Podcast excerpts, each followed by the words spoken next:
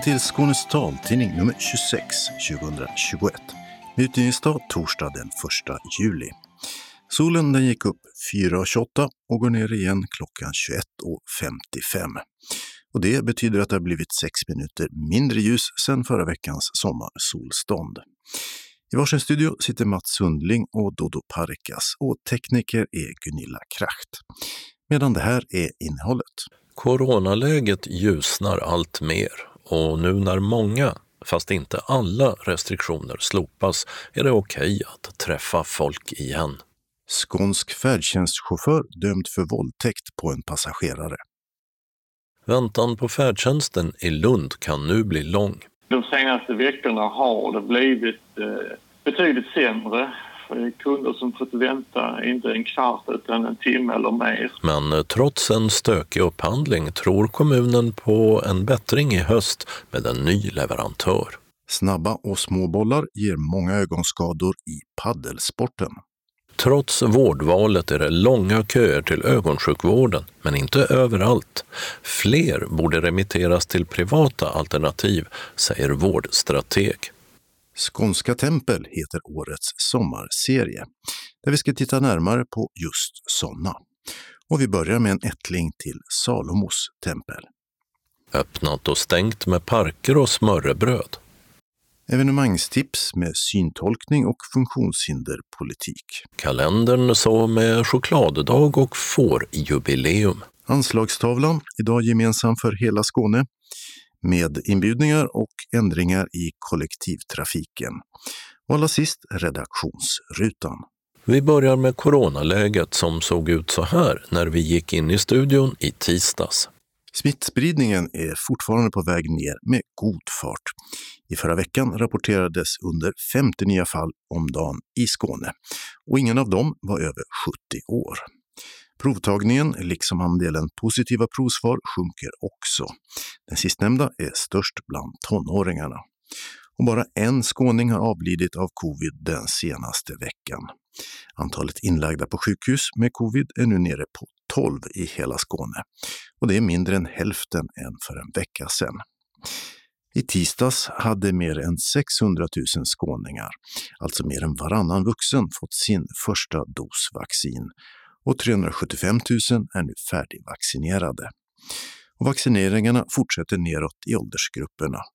I förra veckan kunde de som fyllt 30 år börja boka en tid för en dos och samtidigt blev det möjligt för alla skåningar som fyllt 18 att anmäla sitt intresse för en restdos. Alltså vaccin som blivit över och som annars skulle gå till spillo. Från onsdag kväll den här veckan öppnar bokningarna för alla som fyllt 25 år. Och redan nästa vecka, beroende på vaccinationsviljan, kan det bli dags för alla som fyllt 18. Och i förra veckan beslutade Folkhälsomyndigheten att också 16 och 17-åringar kommer att kunna få vaccin. Som tidigare kan man boka via 1177.se som har länkar till vaccinatörer att välja bland runt om i Skåne. En del, men inte alla av dem, hade lediga tider i början av den här veckan. För den som inte har e-legitimation eller kan ta sig till någon av de vaccinatörerna så går det att bli vaccinerad på en vanlig vårdcentral. För den som har allergier mot vacciner eller en allergi som krävt akutvård finns särskilda vaccinatörer listade. När man så bokar eller får sitt stick får man också en tid för nästa dos, sex veckor efter den första fortfarande. Och ett antal studier understryker vikten av att ta bägge två, med möjligheten att det kan komma att behövas en tredje dos i vinter om nya virusvarianter får fäste. Men i Skåne är det fortfarande mest den brittiska så kallade alfavarianten i omlopp. Och I måndags meddelade regeringen och Folkhälsomyndigheten att coronarestriktionerna som väntat lättar den 1 juli. Till exempel tas råden om att bara träffa sina närmaste bort, liksom det om att handla ensam och om att bära munskydd i kollektivtrafiken. 50 personer får nu vistas inomhus i hyrda lokaler och lika många får delta stående inomhus i så kallade allmänna sammankomster, medan taket är 300 om de sitter. Är utomhus är taket 600 respektive 3000. Efterlängtade besked för evenemangsarrangörerna. Goda nyheter för krögarna är att begränsningarna slopas för deras öppet och serveringstider. liksom för maxtaket på hur stora sällskap som tillåts utomhus. Inne får åtta personer nu sitta vid samma bord och man håller avstånd mellan borden och sällskapen. Konferenser, årsmöten och tjänsteresor är nu okej att genomföra fysiskt om smittskyddsåtgärder tas till.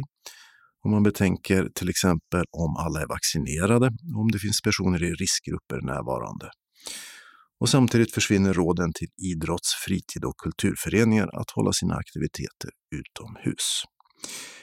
För den som är fullvaccinerad ska samtidigt ett digitalt covidbevis gå att få från E-hälsomyndigheten från den 1 juli, klockan 9 närmare bestämt. Det går också att skriva ut och gör det lättare att resa i sommar. För att få det krävs e-legitimation och att ha gått sju dagar efter vaccindos 2. I mitten av juli ska det gå att få intyg på ett negativt covid-test och senast den 12 augusti ett på att man har blivit frisk från covid.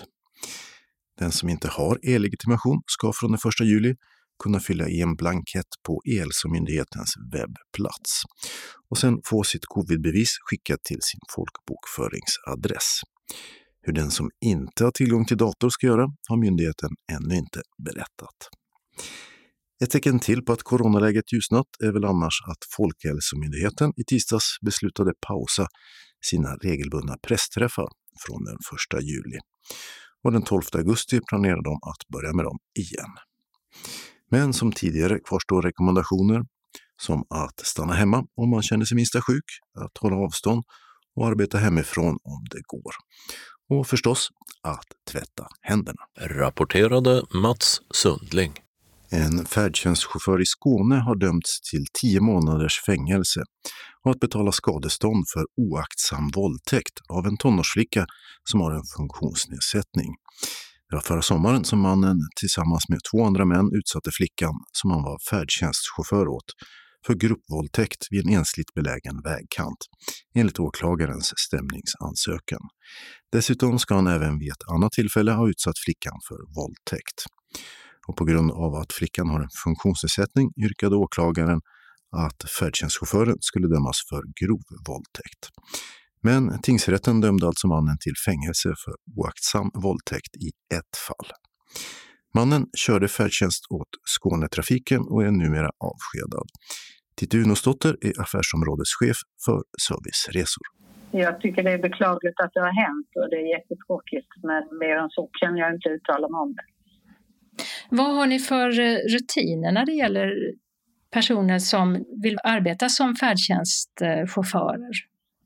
Rutinen är ju så att i avtalen som vi har med bolagen så ingår det att eh, vid varje nyanställning så ska man ta ut från belastningsregistret innan man får anställningen. Så det gör ju bolagen som kör oss. Och eh, alla chaufförer måste ju ha en certifiering för att köra för oss och då görs ju också en kontroll. Och sen så gör vi stickkontroller på att man har tagit ut de här utdragen från belastningsregistret. Eh, och vi har också revisioner som eh, vi visar om eh, man har, att bolagen har gjort som det står i avtalet. Måste belastningsregistret vara helt rent för att man ska få jobba som färdtjänstchaufför? Ja, alltså, det beror på det är ju olika. Man säger så en felparkering är väl inte det som man tittar efter utan här finns ju rutiner ur hur man eh, gör bedömningen och det är ju först och främst bolaget i sig som ska göra bedömningen om det här är eh, rimligt. Och ibland så rådfrågar de oss. Men så fort det är något eh, som är mer än en felparkering eller fortkörning eller sånt så brukar man ju inte anställa. De får ju inte heller möjligheten att ta certifieringen och den bedömningen gör inte vi utan det är ju Trafikverket som gör den bedömningen. Och när det gäller bemötande och hur man behandlar färdtjänstresenärer och så, vad, vad har ni för krav där? Varje dag så ringer vi tillbaka till våra kunder, ungefär 30 stycken, och frågar hur bemötandet har varit, hur upplever de resan? Och där ser vi att ungefär 92 procent av våra kunder är nöjda med chaufförernas bemötande.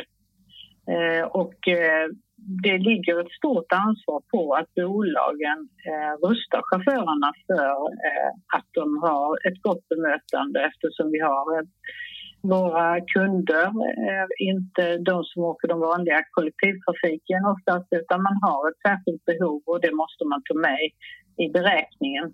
Och det gör ju i sin tur att man får vara mer inlyssnande och mer kunna läsa av vad kunden vill och vilket behov den har.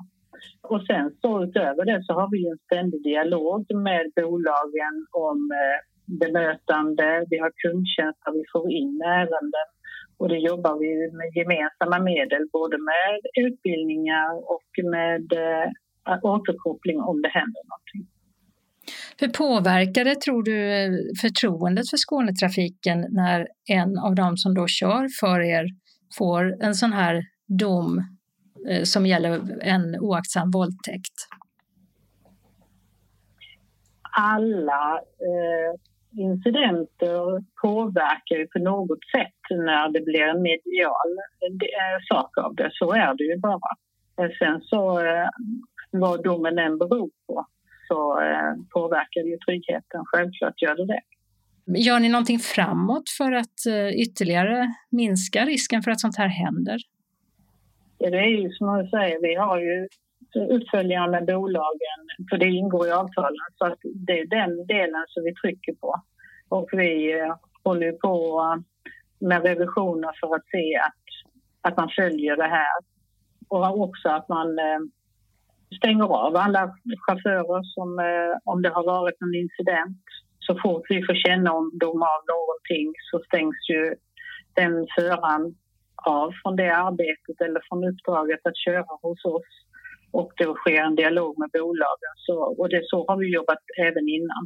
Och vi fortsätter ju att se det. Så vi, de ärenden som kommer in till kundtjänst utvärderar vi och, och jobbar vidare med för att försöka och öka tryggheten för kunderna, bättre kvalitet för eh, kunderna och också få de chaufförerna som faktiskt gör ett gott jobb få kredit för det goda jobb de gör. Har ni fått många som har ringt och varit oroliga eller några som har ringt och varit oroliga på grund av den här händelsen? Eh, inte vad kundtjänst har eh, informerat mig om, men det är klart att det är en oro. Eh, incidenten hände ju för över ett år sedan så att eh, det är klart att det skapar många frågor och oro hos våra kunder och vi får bemöta dem allt eftersom de kommer in till oss på kundtjänsten. Det sa Titti Unosdotter, affärsområdeschef för serviceresor på Skånetrafiken. Reporter var Åsa Kjellman Erisi. I Lund fortsätter turerna kring färdtjänsten. I väntan på en överprövning av beslutet i våras att ge företaget Telepass uppdraget att köra färdtjänsten och driva beställningscentral i fyra år framöver har man direktupphandlat färdtjänsten i ett års tid av samma bolag. Även direktupphandlingen har överklagats till förvaltningsrätten av Cab Online. Men kommunens planer på att byta leverantör är i full gång oavsett att eh, domslutet inte har kommit. Per Tranström är färdtjänstchef i Lunds kommun. Eftersom avtalet kom ut den sista september så måste vi säkerställa en fungerande färdtjänst i Lund och då har vi gjort en direktupphandling med just Telepass.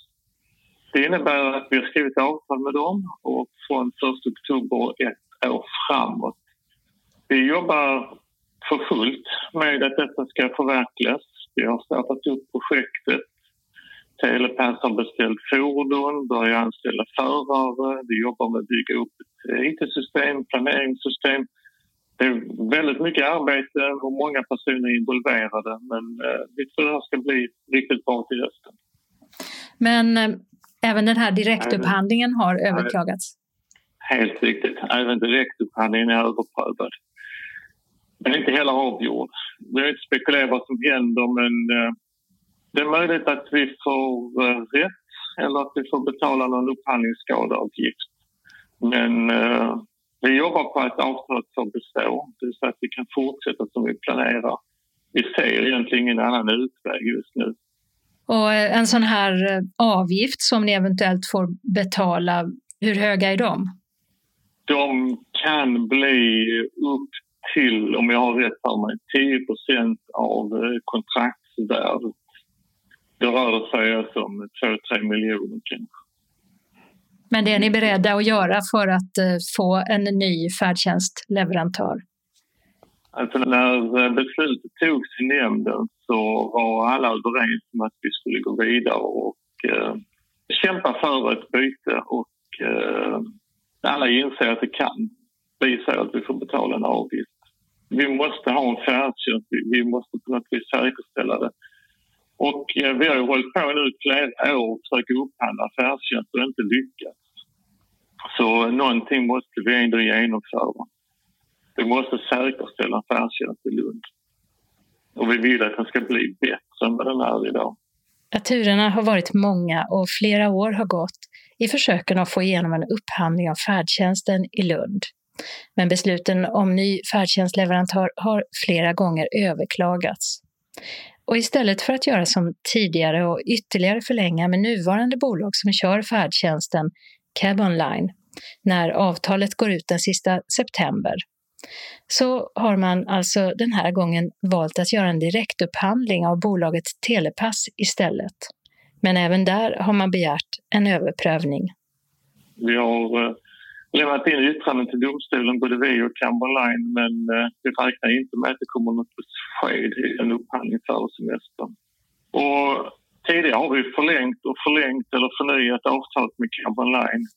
Men denna gången såg vi en möjlighet att faktiskt skriva direktupphandling med Telepass istället och få till ett byte. Och eh, om ni nu får som ni vill och Telepass tar över den 1 oktober, vad blir skillnaden för färdtjänstresenärerna?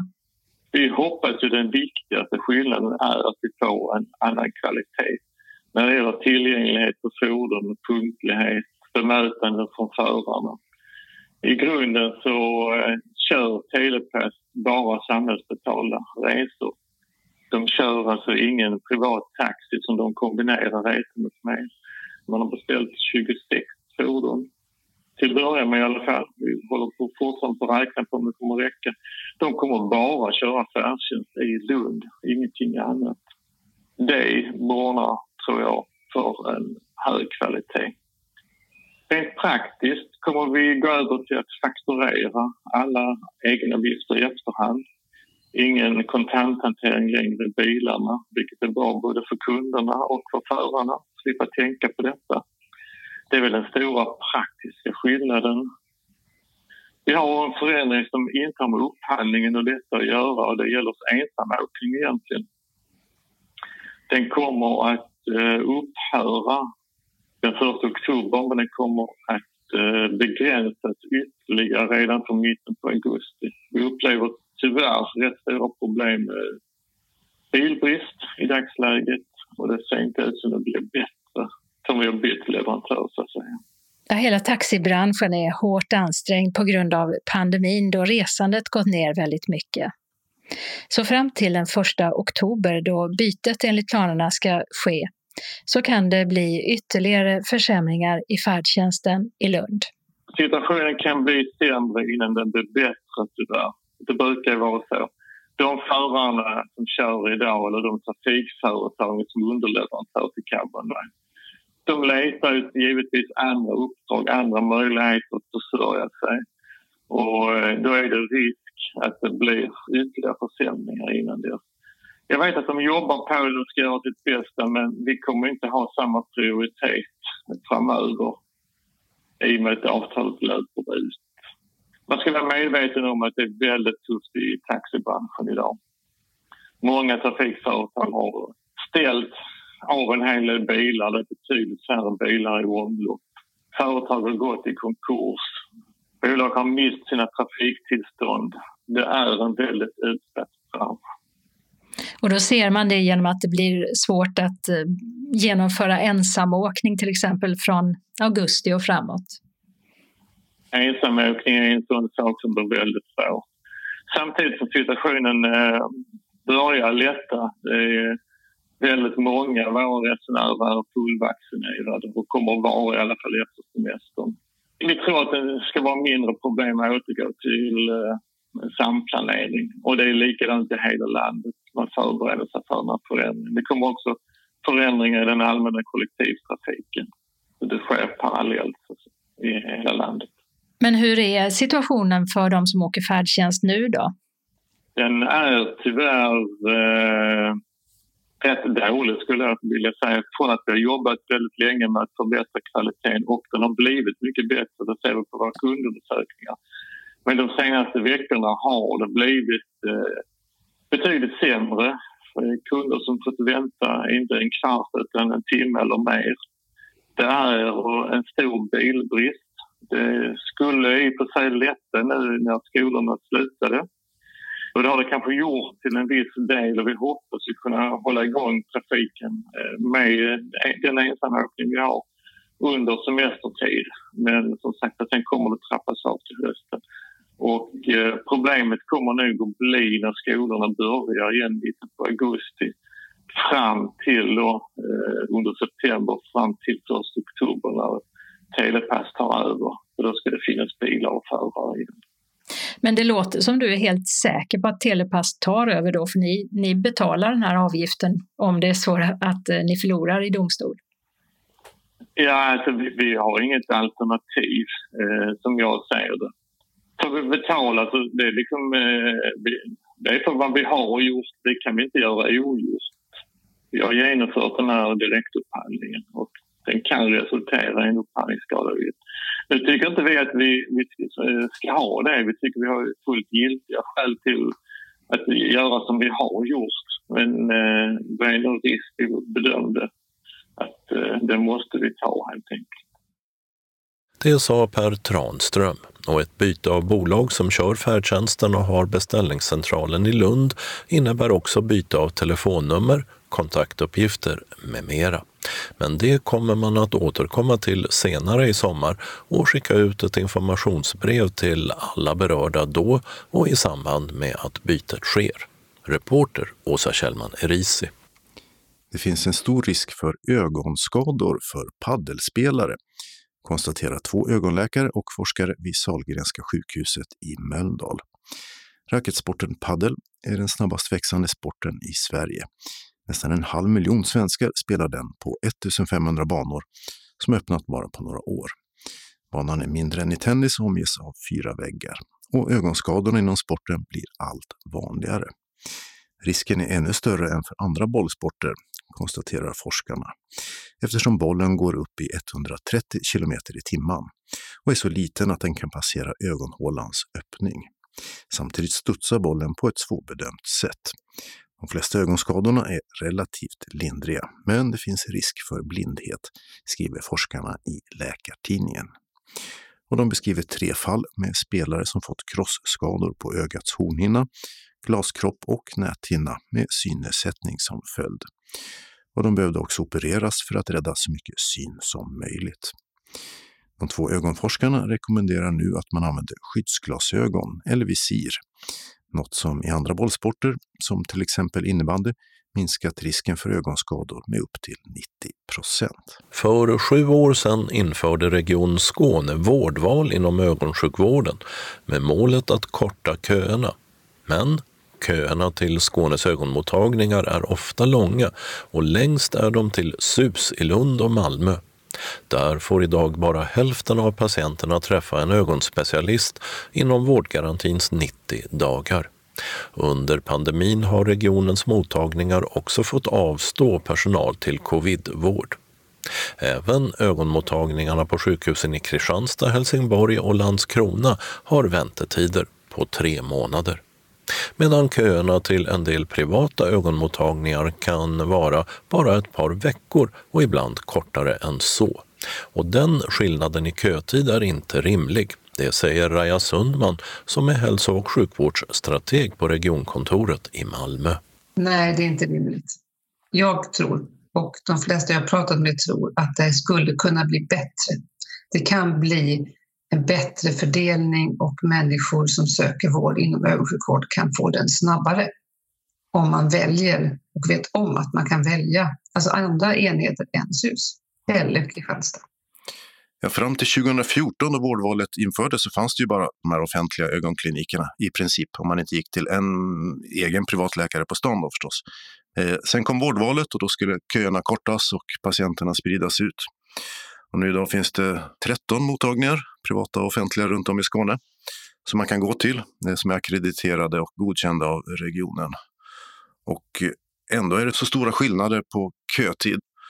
Hur kommer det sig? Det är ju svårt att med säkerhet säga vad en människa, annan människa vet. Men vi tror att det beror på en inte tillräckligt spridd kunskap om att man har ett eget val.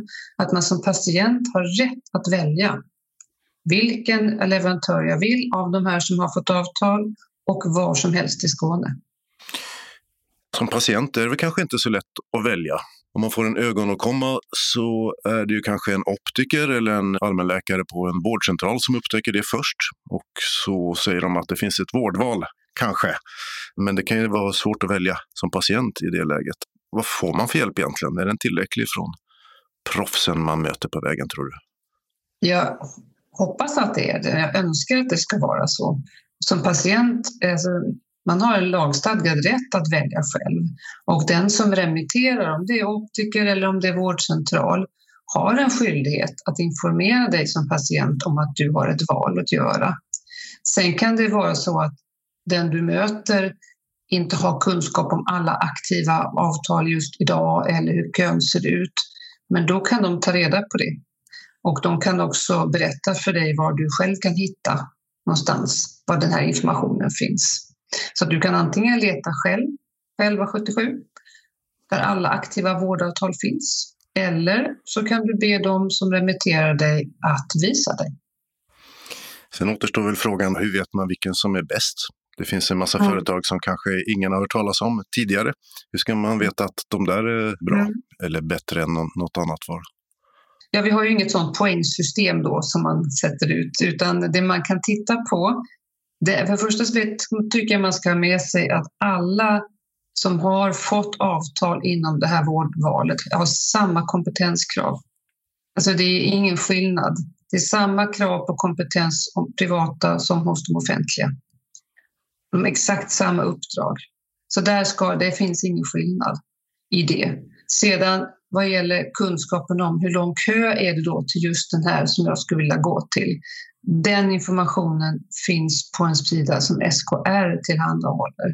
Och eh, där kan man också be den som remitterar att hjälpa en att plocka fram den listan eller titta på hur det ser ut. För det är ju information som uppdateras varje månad.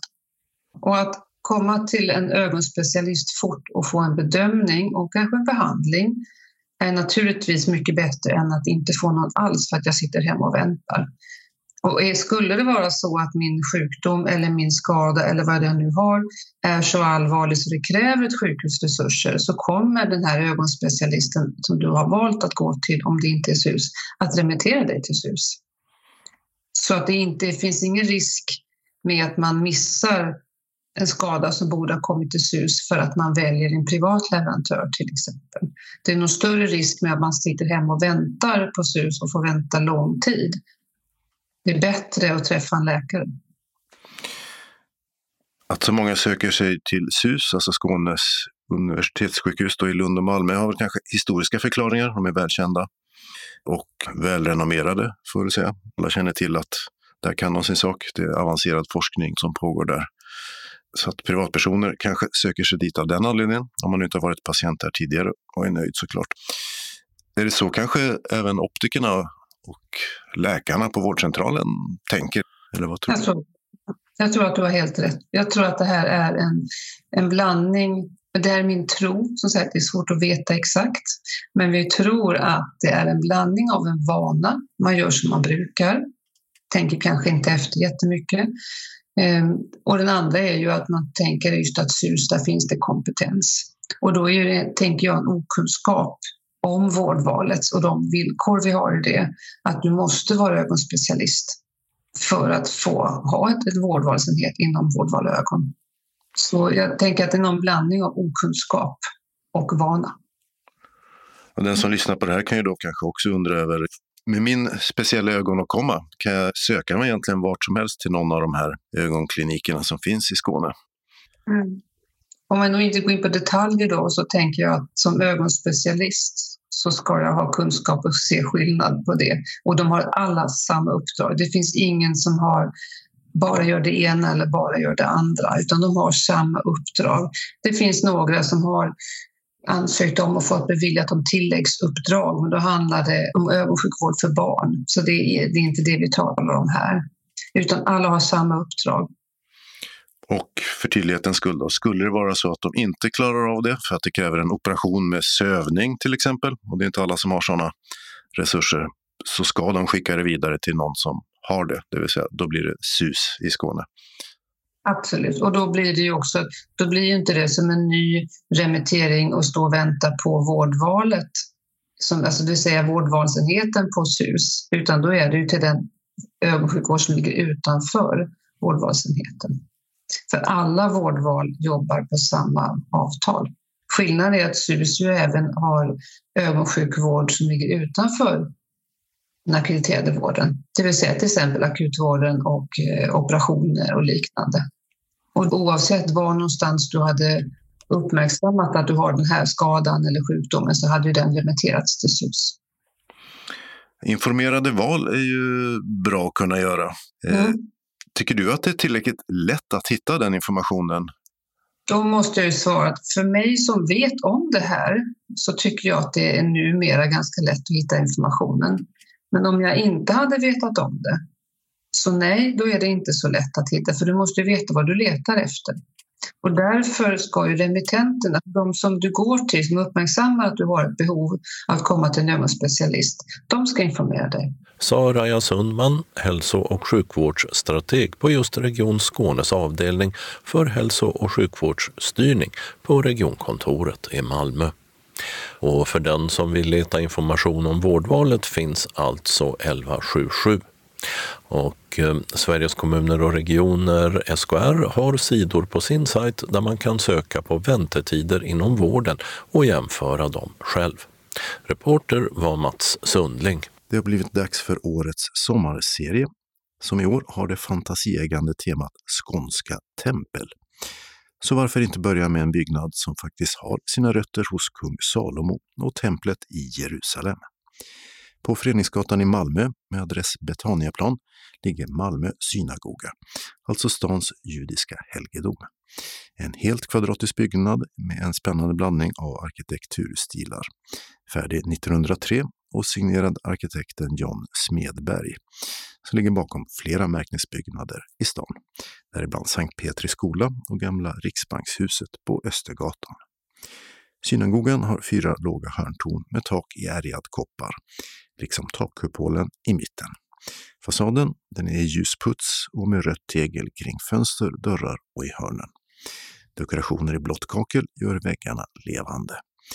De flesta fönstren är rundade upp till Andra är sexkantiga men ger ett rundat intryck. Och det finns också orientaliska bladmönster högt uppe längs takkanten. Fredrik Sieradski från Judiska församlingens informationscenter möter oss utanför synagogan. Jag tror inte att de har några specifika judiska symboler de här, utan det är bara helt enkelt en vacker harmoni, orientaliskt inspirerad. Framförallt de där bågarna. Och det var en stil som fanns på andra ställen i Europa, den här moriska stilen som också hade en, en stark jugendinfluens, framförallt inomhus. Däremot, eh, om du tittar här så ser det ut som en Davidstjärna. Så fönstren är formade som en Davidstjärna och det är väl det som jag tror är närmast det judiska. Så är det runt om i hela huset. Det är inte något försök att efterlikna någon idé om Salomos tempel? Jo, jag tror det lite grann, att det kan vara det. Så. Vi har en tradition att man har kippa på ja. sig, eller en mössa. Vi vill ha en cool påvelik, fast den här också traditional. Men sitter den kvar om jag tar på mig den? Ja, det gör den. Okej, då kör vi. Det här är Malmö synagoga. Innan mitt besök i synagogan har jag läst på i den jubileumsbok som gavs ut till byggnadens 100-årsjubileum 2003. Den heter Templets sten föll på Föreningsgatan och inleds med följande legend. När templet i Jerusalem förstördes så spred den evige, lovad vare han, alla dess stenar i hela världen. På varje plats där det föll en sten byggdes en synagoga. Därför kallas synagogan det lilla templet, ty det finns i varje synagoga lite av templet, den lilla stenen. Det är en gammal sed eller talesätt att för varje synagoga så finns det en sten från templet. Och det kanske var så en gång i tiden att man kanske hade en sten från templet som man använder som hörnsten för synagogorna. Eftersom synagogan på något sätt är ju fortsättningen på hur judendomen var på den tiden när vi hade templet i Jerusalem innan det förstördes. Man hade ju vallfärd, alltså helgerna i judendomen cirklade väldigt mycket kring vallfärder tre gånger om året. På påsken och på veckofesten och på eh, lövhyddefesten. Och sen eh, när då templet förstördes så man skapade en mer portabel judendom. Synagogor fanns ju även under templets tid men den hade inte samtidigt som den fick sen. Sen blev ju synagogan det ställe där man samlades och Synagoga är ju ett grekiskt ord. Ordet synagoga på hebreiska det är ju Beit Knesset, ett husförsamling. Det israeliska parlamentet kallas ju Knesset för det är ju en samling också. Men är varje synagoga ett tempel? Ja, det finns ju de inriktningar där man kallar, eh, jag tror inom reformjudendomen så kallar man det för tempel. Istället för offer då som man hade så är det sång istället och böner. Vi står i en sal med mörkbruna bänkar och ljusa enfärgade väggar. Ovanför oss hänger en stor ljuskrona under en träklädd kupol. Högt där uppe anas lite nationalromantiska drag i snedställda bjälkar. Och huset har alltså stått här intill Rörsjöstaden sedan 1903. Den dåvarande församlingen ville ju att det skulle vara ett hus som varade länge. Eh, det här huset klarar ganska många besökare. Hur många? Vi är runt 400 besökare som kan ha sittplatser. Sen vet jag att vi har varit många, många fler. Men det var länge sedan nu. Hur många brukar det vara på en gudstjänst utanför pandemin? Det beror på när det är på året och så vidare. Men jag skulle tippa att kanske en 30-40 eh, vanlig lördag morgon. Kanske ibland ner till 20 när det är lite färre. Nu under pandemin har det varit mycket färre. Det ser det numrerade platser med ja. långt avstånd till varandra. Ja, det här är från när vi hade de stora hösthelgerna. Då var det en logistisk utmaning. Vi hade två omgångar med gudstjänsterna och sen kunde man då anmäla sig via nätet och sen skulle man då få tilldelat en plats. Är det skilt åt män och kvinnor här inne? I den här synagogan, här inne följer vi ortodox sed och då är det så att exakt tio år sedan i år så röstade församlingen igenom att man skulle kunna ha olika synagogor inom ramen för församlingen. Den andra synagogan som vi har, vi har två synagogor idag, så sitter män och kvinnor tillsammans och blandat. Men i den här synagogan som följer ortodox gudstjänstsed så sitter man åtskilt under gudstjänsten.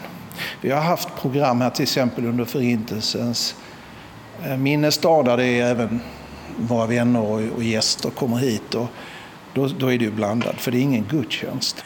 Själva lokalen påminner om en kyrka ja. och eh, gör det inte. Berätta, ja. vad är det som skiljer åt och vad är det som liknar? Först och främst så är det så i judisk sed är det att när man ber ska man vända sig mot Jerusalem. Och det började redan kung Salomo. Han säger ju profetiskt nog att eh, det kommer komma en tid när ni kommer i exil då ska ni vända er mot den här platsen, det vill säga där han stod då när han hade byggt templet, när han invigde templet. Så från den tiden så är det en tradition att man vänder sig till Jerusalem när man ber. Det vill säga mot Värnhem härifrån? Mot Värnhem. Nu är det så att nu är det inte exakt mot Jerusalem, men det var i den generella riktningen. Österut eller sydöst. Va? Och sen är det så här att eh, det man inte har, vi har inga altare, vi har inga dopfund. Men det liknar ett ja, altare för mig. Längst fram står ju då, där uppe, det kallas för biman, det är en scen. Modern hebreiska kallas bima-scen och det är det ju. Där står kantorn och där uppe läser man ur Toran. Och Toran hämtar man ut från Toraskåpet som kallas för Aron Hakodesh som på direkt översatt betyder det heliga skåpet. Bakom de röda förhängena. Draperierna där, ja just det. Och I många synagogor så är det uppdelat att när kantor står och där man läser ur Toran kan vara ibland i mitten i synagogan och sen går man ner så att det är en upphöjd plats i mitten där alla sitter runt och sen har man Toraskåpet längst fram. Men i den här synagogan, och jag har sett i många, i Stockholms synagogor är det likadant, så är det i en enda enhet. Och då går man upp och hämtar Toran och läser ur den. I och med att den här följer ortodox gudstjänstsex så får man inte använda elektricitet på shabbat. Därmed vill det till att det måste vara bra akustik här inne. Plus att kantorn måste ju ha en hyfsad röst också för att nå fram. Men hur är det, får vem som helst ställa sig där och läsa eller är det kantorns roll? För kantorn är inte organist som Nej. i kyrkan. Nej, vi har ingen organist. I, det här har man ingen, i en ortodox synagoga har man inga instrument. Det är en, man kallar det på hebreiska shaliach sibur, den som är utsedd av församlingen. I vårt fall är det oftast vår rabbin som har det jobbet.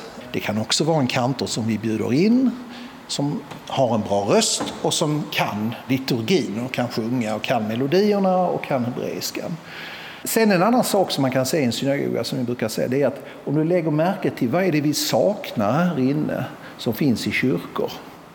Vi har inga bilder, avbildningar.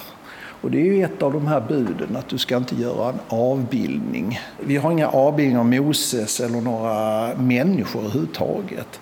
Utan eh, det man möjligtvis kan ha det är ju bokstäver, alltså ett utdrag ur Bibeln, tio Guds bud.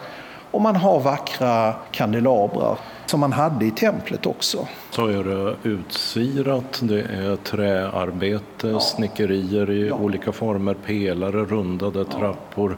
Och det är tio gudsbud där uppe, men vad står det längre ner här? Kimitzion tetzetora och dvar Hashem Yerushalayim. Det är ur Sion kommer Toran och Guds ord kommer från Jerusalem och det är ur den heliga skrift som vi läser det. Och den sjunger vi också, en del av liturgin att vi sjunger det. Men det här som jag tydligen har snappat upp någonstans att vem som helst kan läsa ur ja. stämmer det? Ja, vem som helst som utses av, vi har ju då människor som arbetar oegennyttigt i en kommitté som sköter att gudstjänsten går bra till, ser till att folk får möjlighet att komma upp och välsigna Toran och se till att fixa saker inför gudstjänsterna. De utser någon, de kontaktar den man vill. Och det kan ju vara vem som helst. Jag själv har ju fått äran många gånger att få leda gudstjänsten på när vi inte har haft en inbjuden kantor. Jag kan leda fredagsgudstjänsten till exempel. Den har jag lärt mig och kan den. Och du kan sjunga? Ja, jag kan sjunga också. Jag kan melodin. Ska jag sjunga också? Ja, en av de mest kända melodierna vi har är ju Lechadodi. Lecha doidi לקראת kala פני שבת נקבלה. לך doidi לקראת kala פני שבת נקבלה. och så vidare. Det är en hymn. Så Kan jag gå och hämta den? Den finns här i eh, uh, Siddur. Siddur betyder ordning och det är bönboken. Den här kallas för Malmösidorn, för den trycktes i Malmö. Då har vi den här. Början vid sabbatens ingång. Då är det en speciell vacker liturgi där vi sjunger. Om min vän, bruden till mötes, låt oss hälsa sabbaten välkommen. Lechadodi. Man, man ser, man liknar sabbaten, shabbat, som infaller på fredag kväll, som en brud som gästar oss och vi är brudgummen. Många av de som skrev de här melodierna bodde inte i Sverige utan de bodde kanske i Spanien eller i eh, nuvarande Israel vi har många hymner som har skrivits av dem som bodde i Tyskland också på medeltiden. Den sista versen så bugar man. Nu kommer bruden, som man säger, Lechadodi, välkommen, välkommen. Sen ligger det någonting som jag antar är bönesjalar. Ja, talit kallas det. kommer man hit på en lördag morgon så står folk med en sån här talit, eller talles som vi säger. Ashkenaziskt uttal, det uttalet vi har här i Europa. Och då säger man en välsignelse och så sätter man på sig den här. Och då använder man den i gudstjänsten. Oftast är den gjord av eh, ylle, kan vara väldigt tunn och den har eh, vackra blåa ränder längs med sidorna här. Det är alltså ett stort fyrkantig klädnad. Om man har på sig den så ser man lite grann ut om man tänker sig de gamla romarna. De hade gärna såna här liksom olika sjalar. På de fyra kanterna så har man en, någon form av eh, tofsar. De här kallas för tzitzit och de är knutna och de här är till för att vi ska minnas alla bud som vi har lika många knutar och band tillsammans som summan av alla mitzvot, alla bud som vi har. Och det är kan man säga ett väldigt pedagogiskt hjälpmedel för oss att komma ihåg och koncentrera oss på bönen.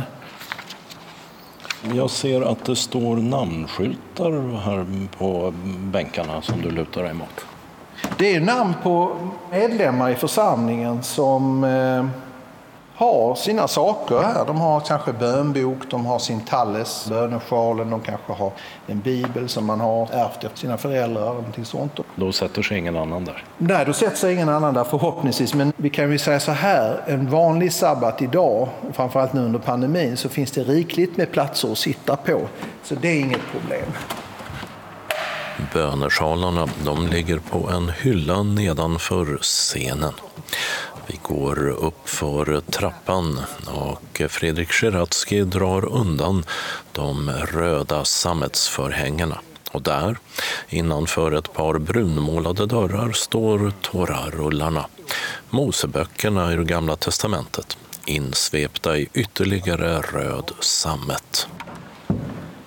Det här är normal klädsel och sen när det är de stora helgerna på hösten så eh, klär de helt i vitt. Och normal klädsel är vinröd sammet med guldtränsar och broderier och sen är det silversköldar framför. Ja. Och alltihopa, rullarna kröns av, eller de sitter väl fast i eh, trästänger med fantastiska silverkreneleringar och en del av dem med klockor i också. Ja. Det skulle låta om dem när man gick med dem. Och det är ju Så här låter det när man går med dem. Men symboliserar eh, ljudet någonting särskilt? Det är ett vackert sätt att eh, visa, här kommer så att säga en dignitet. Va? Lite grann gör plats för tåran. Man går ju runt med tåran här. Är det gör plats för Guds ord? Gör Ja. plats för vad? Ja, gör plats för Guds ord. Jag tror det är bara vackert också. Det är en tradition. Oj, Här. Det här är en jad och det är en pekare. Det använder man när man läser ur Toran. Så, så pekar man ju. är det en silverhand? en silverhand. Eftersom jag bor i krokarna så har jag tänkt på just det, de har genomskinliga fönster, inga blyinfattade färger. Jag tror bara att det är för de som är här inne är det trevligt att kunna titta ut. Men det är ju som du ser frostat där ju så att... eh, Frostat ner till... ner till ja. Det finns ju de synagogor som jag har varit i där man har haft väldigt vackra fönster, där man har målat och så vidare. Det, det, det är det inte här. Sen tyvärr så har vi ju då varit tvungna att ha en viss säkerhet också, så att eh, det är skydd. Men i den, det här, så här har det sett ut sedan jag var liten och det är ju början på 70-talet. Så Vad är, vad är ditt förhållande till det här huset? Ja, alltså när jag var liten, jag är ju född i Malmö och uppvuxen här och sen eh, bodde jag här till jag var 19 år gammal och sen flyttade jag bort och sen ja, riktigt tillbaka kom jag inte förrän på 00-talet. Jag är ju nu 56 år gammal. Så jag, eh, mina minnen från när, hur det var här min pappa brukade gå hit med mig när jag var liten. och Han ville att jag skulle vänja mig att gå i synagogan. Han tog med mig för han gick hit varje lördag morgon. Och de flesta av de som kom då var eh, överlevande. Inte alla, eh, men en del. En hel del. Eh, människor som kom från Polen eller från Ryssland eh, eller från andra delar av Östeuropa, mestadels Polen här. Som eh, talade jiddisch och kände varandra. Och många var ju kanske inte så religiösa men när de stora helgerna kom och är det, så är det fortfarande, så ville man gärna gå till synagogan. Och många gånger bara för att minnas och för att på något sätt vi har ju en speciell bön som man säger på eh, de här helgerna. Och den bönen ska man ju vara med på om man har en bortgången anhörig.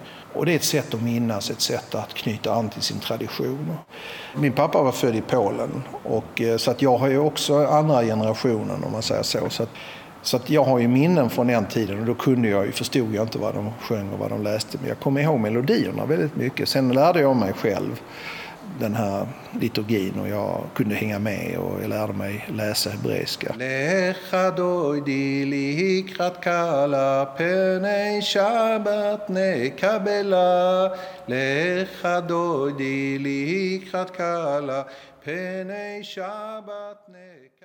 Vi hörde Fredrik Sieradski från Judiska församlingens utbildnings och informationscenter som kommer att öppna i början av hösten och han är alltså verksam i den ortodoxa grenen av Malmöförsamlingen. Den andra grenen kallas den egalitära och de håller gudstjänst i församlingshemmet. Reporter var Dodo Parikas. Öppnat och stängt. Helsingborg har fått en ny park. Ångfärjeparken heter den.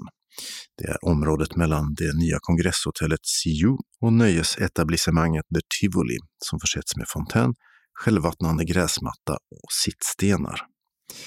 I centrala Dalby har parken Trekanten öppnat igen och invigs efter omgörning. Nya träd, ny belysning och marktäckande murgröna finns nu på plats, liksom nya gator och trottoarer runt om med plats för uteserveringar. Inne i Lund har Tegnérs matsalar gått i konkurs och stängt. Och AF-borgen, som haft restaurang i huset sedan 1851, står nu utan efter att pandemin fått folk att stanna hemma.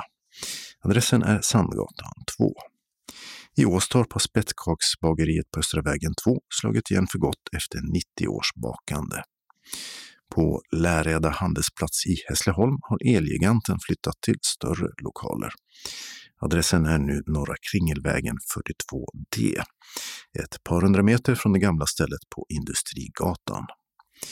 I Lövestad i Sjöbo kommun har bykrogen Karlssons hörna stängt efter 27 år på Södergatan 16. Men lokalen finns kvar för uthyrning till fester och liknande. I Skurup har klädbutiken Family House öppnat igen. Den gick i konkurs i vintras men finns nu åter i lokalen på Stora Torggatan 8. I Ystad har smörrebrödrestaurangen Smaken av Danmark öppnat. Där erbjuds också danska rätter som fläskstek också för avhämtning och hemkörning. Adressen är Stora Östergatan 35. Och Ystad har en ny offentlig toalett invigts på Sankt Knuts torg. Det kostar 10 kronor att nyttja den och än så länge betalar man med betalkort, men framöver ska det även gå att swisha.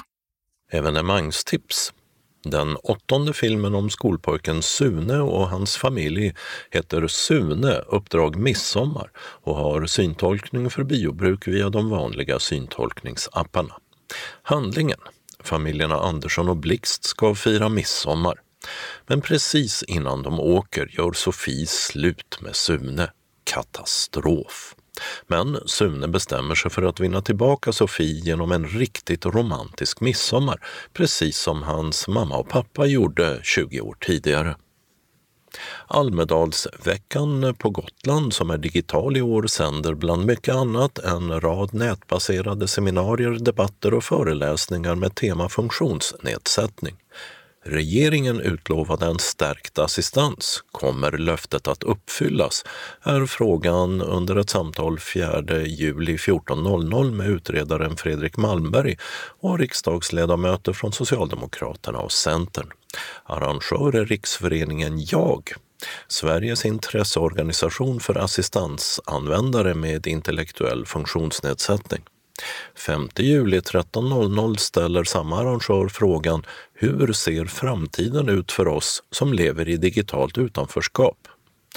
7 juli 13.00 är ämnet 100 000 personliga assistenter i Sverige förtjänar högre status och 14.00 den 7 juli skiljer sig synen på personer med funktionsnedsättning åt i Sverige, Norge och Finland.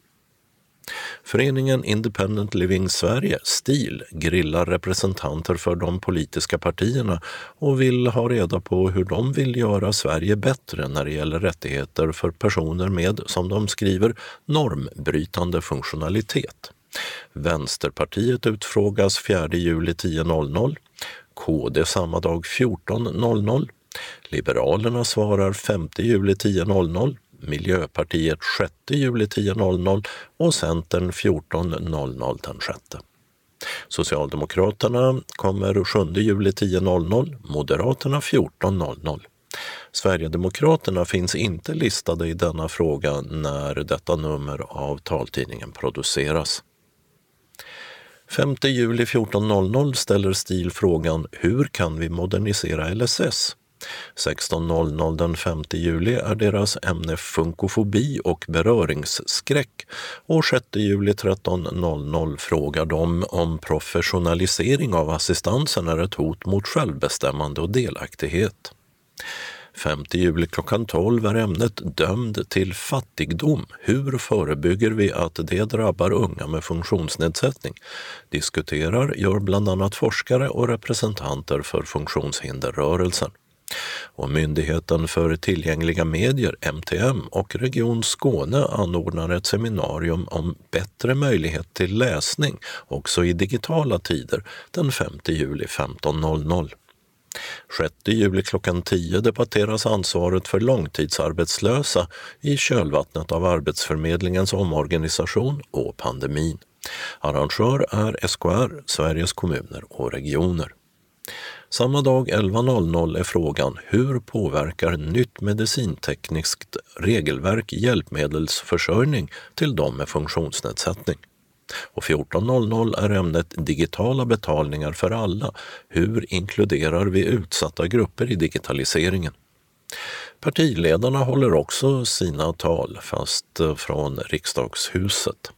Vänsterledaren Nooshi Dadgostar talar 4 juli 11.00. KD-ledaren Ebba Busch 19.00 samma datum. Liberalernas Nyamko Sabuni talar 5 juli 11.00 och Sverigedemokraternas Jimmy Åkesson 19.00. 6 juli klockan 11 så är det Centerns Annie Lööf medan Miljöpartiets språkrör Märta Stenevi tar vid 19.00. Och Moderaternas partiledare Ulf Kristersson talar 7 juli klockan 19. De digitala Almedalsarrangemangen finns att klicka vidare till på sajten almedalsveckanplay.info. SVT direktsänder också partiledartalen. I Helsingborg har konserterna på Sofiero utökats med ett besök av Daniel Adams-Ray den 24 juli klockan 20. Tixter säljer biljetterna och de kostar 495 kronor. I våras öppnade Hotell See i Helsingborg och nu är det dags för konserter uppe på byggnadens takbar. 7 juli 19.00 med insläpp en timme tidigare blir det jazz med Amanda Ginsburg. Daniel Lemma uppträder 20 juli, Kristoffer Åström den 27 juli och Patrik Isaksson den 9 augusti. Tixter säljer biljetterna som kostar mellan 395 och 495 kronor beroende på artist. Det går att äta i samband med konserten men det är hotellet som ansvarar för den delen. Och konsertarrangören heter Kulturaktiebolaget, ej att förväxla med Kulturbolaget. Solhällan med adress Parkgatan 5 i Löderup får besök den 7 juli klockan 20 av ståupptrion Bettner Stanley Nyblom. Insläpp klockan 18, biljettpris 395 kronor. Tixter säljer. För den som vill planera framåt har Malmö Live konserthus börjat sälja biljetter till sina abonnemang som ger mellan 20 och 50 procents rabatt på ordinarie biljettpris för en serie konserter. Det finns sju olika serier att välja på till priser mellan 560 kronor för fyra nallekonserter för barn och 4 895 kronor för 22 konserter i Guldserien. På programmet under säsongen 2021-22 finns bland annat en Sibeliusfestival med chefdirigenten Robert Trevino, Brahms alla symfonier, två världspremiärer, musik av Philip Glass, Wagner och Mozart sånger av Clara Schumann samt solokonserter av danske Carl Nielsen. Festivalen Torsö Live är återigen framflyttad ett år till den 1 och 2 juli 2022, vilket är helgen efter midsommar.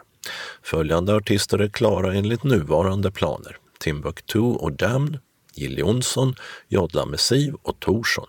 Alla spelar samma festivaldag som var tänkt både i fjol och i år. Ytterligare artister kommer att tillkomma.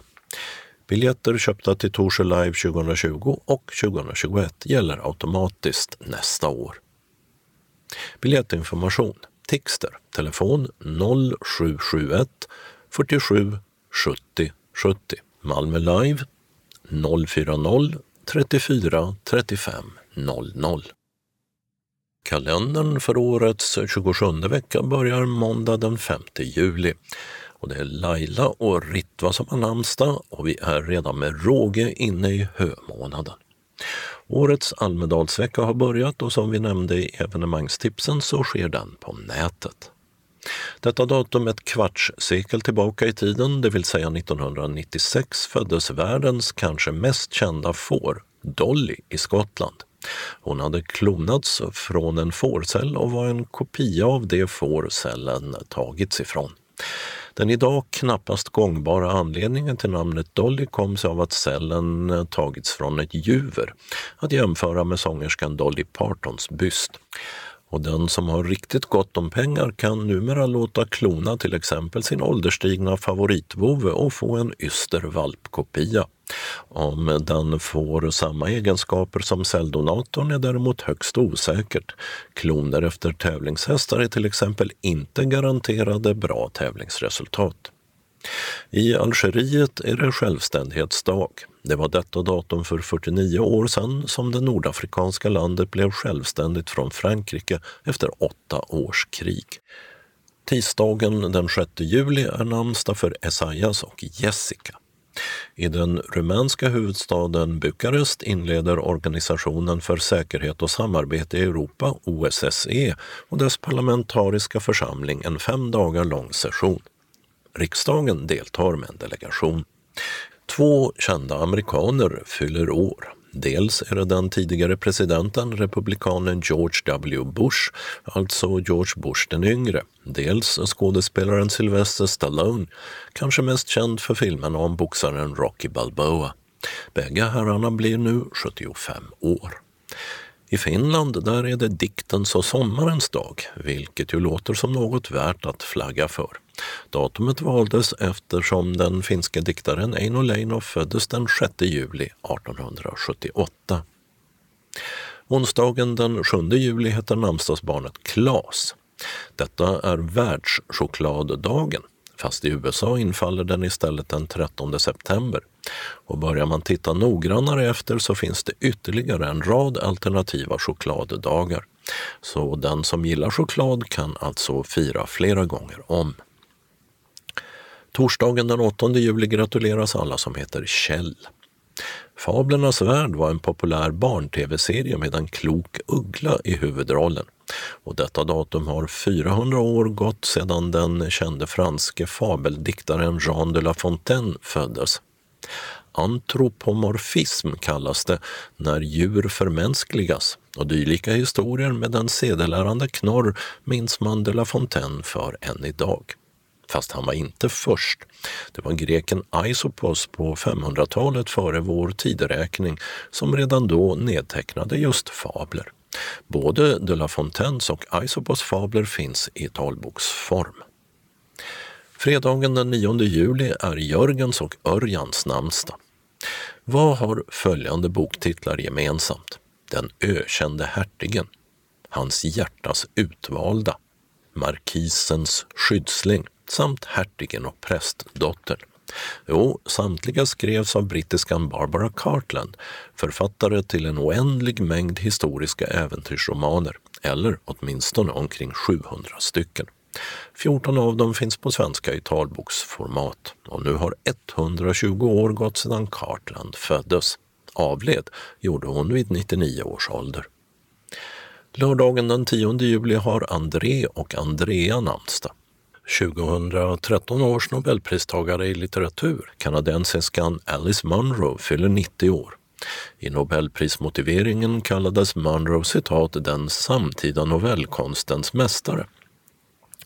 Och den som vill bekanta sig med novellerna har elva samlingar att välja på som talbok och sju i punktskrift. Söndagen den 11 juli tar veckan slut. Bulgarien går till parlamentsval för andra gången detta år eftersom ingen regering kunde bildas efter valet i april.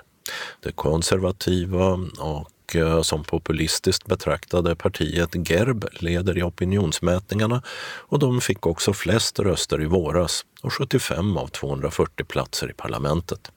Också Moldavien ska välja parlament i ett extraval denna dag. Och så är det Eleonoras samt Elinors namnsdag. Anslagstavlans regionala del börjar med en inbjudan från Synskadades förening SRF Trelleborg med omnejd till en kulturell upplevelse på Söderslätt. Vi ska se den syntolkade musikalen Julia Capulet på Lilla Beddinge teater torsdag den 29 juli 2021 från klockan 18 till cirka 21. Lilla Beddinge teater är belägen mellan byarna Lilla Beddinge och Stora Beddinge på Ängslättsvägen 69-0. Och Julia Capulet är teaterns första egna produktion, en musikalversion av William Shakespeares Romeo och Julia. Med originaltext samt ny text av Rasmus Mononen och musik av Jan-Erik Säve. Och det är en berättelse om en ung människa som hittade sin egen väg. Om hennes pappa som försökte skapa en familj men med sin dotter fick betala för sina brott. En kylig och daggvåt sommarnatt hörs festens musik över de öde slättmarkerna. Pappa Capulet badar i fontänen. Han vet inte än. Allt kommer att ske i natt. Julia har en plan. Vad hände egentligen under de där få timmarna då Julia och Romeo träffades? Pappa Capulet och Julia hade båda en plan. Allt gick fel, tror vi. Under 90 minuter öser tolvmannabandet akustisk musik till Shakespeares verser och texter. Den mörka svenska skogen möter det blåa, stormiga havet. Med båda fötter långt nedtryckta jord och lera andas vi frisk luft. Ni ska få allt. Natten är mörk och festen brinner. Julia dansar med sin egen berättelse med lätta armar och jordiga fötter. Programmet. Vi träffas vid ladan ute i Lilla Beddinge dit du tar dig själv. Kom i god tid. Klockan 17.50 berättar vår syntolk Eva Håkansson om det som komma ska, samt delar ut mottagarna och vi får en enklare förtäring på serveringen. Klockan 19 börjar föreställningen. I pausen dukas kaffe fram till oss och 20.30 slutar föreställningen. Beställ eventuell färdtjänst till klockan 21 så slipper ni stressa. Denna upplevelse kostar 200 kronor per person. Sista dag för anmälan är torsdag den 15 juli. Sista inbetalningsdatum är måndag den 26 juli till föreningens bankgiro. Nummer 5985-6526. Anmälan är bindande. Vi har förbokat 15 biljetter och det är först till kvarn som gäller. Är du inte medlem i vår förening kan du prova att beställa biljetter utanför vårt engagemang. Ring då direkt till Lilla Beddinge Teater. Det finns fler mottagare för syntolkningen än vad Trelleborg behöver. Ring eller e-posta snarast till Lars Billgren, mobil 0708 32 19 07. E-post lars.billgren telia.com. Väl mött hälsar styrelsen. SRF Malmö Svedala hälsar alla SRF-are välkomna till syntolkad teater på Intiman i Malmö. Det är den nyskrivna komedin Varför älskar ingen de lesbiska? Och föreställningen lördag den 14 augusti. Samling 17.15 på Intiman på Östra Rönneholmsvägen 22 i Malmö. Föreställningen börjar klockan 18 och är 1.30 lång. Handlingen med värme och komik utforskar vi lesbiskhetens med och motgångar, njutningar och kval. Det blir svett, tårar och sekret, storslagna entréer och kärlekskranka scenerier. Genom samtida och historiska referenser undersöker lesbisk glädje, sorg och kränkthet. Vi ger Lindsay Lohans tvivel, Sapfos ensamhet, Selma Lagerlöfs vilda nätter och mötet med ditt inre lesbiska barn. Pris 280 kronor per vuxen. Betalning sker med inbetalningskort som skickas hem och biljetterna delas ut på plats. Vi har bokat ett begränsat antal biljetter och medlemmar från andra delar av Skåne är också välkomna. För medlemmar utanför Malmö utgår reseersättning som vanligt från SRF Skåne.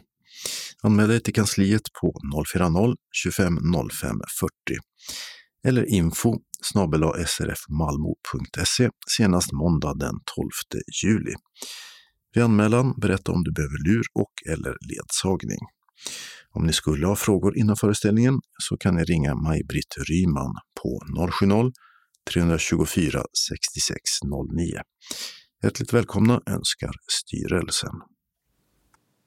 Så har vi en inbjudan från Syskonbandet. Nordisk konferens med Syskonbandet 2015. Den 13 till 16 augusti bjuder Kristna Synskadades Förening Syskonbandet in till nordisk sammankomst. Från Norge, Danmark, Finland och Sverige strålar vi denna sommarmånad samman på Viks folkhögskola, två mil utanför Uppsala. Artisten Ingmar Olsson gästar oss med konsert. Han är bland annat känd för sångerna Du vet väl om att du värdefull och Det finns så många sköna människor som liksom alltid kommer snett Vi tar en bussutflykt med guidad tur i Uppsala och på Linnés Hammarby. Vi smyger i slott, firar gudstjänst, badar och mycket, mycket mer. Alla är välkomna, unga som gamla och ledarhundar. För mer information och anmälan så är du välkommen att kontakta mig, Tina, på Syskonbandets kansli. Nummer 08 641 30 95 eller mejla till tina syskonbandet.se eller gå in och läs på vår hemsida www.syskonbandet.se. Den lokala delen av anslagstavlan börjar med en inbjudan från SRF Bjuvklippan Åstorp. Vi i SRF Bjuvklippan Åstorp har kost och motionshelg i Båstad från tisdag den 10 augusti till torsdag den 12 augusti på pensionat Hjorten i Båstad. Vi har bland annat tipspromenader i skogen längs med stranden och vi spelar boke och kubb. Det blir en föreläsning med skrönor från trakten och en massa samvaro och god mat. Vi har platser över, därför bjuder vi in våra grannföreningar att delta. Då tänker vi i första hand på SRF Västra Skåne, SRF Ängelholm Båstad och SRF Norra Skåne. Kontakta din förening om du är intresserad eller ring mig för mer information.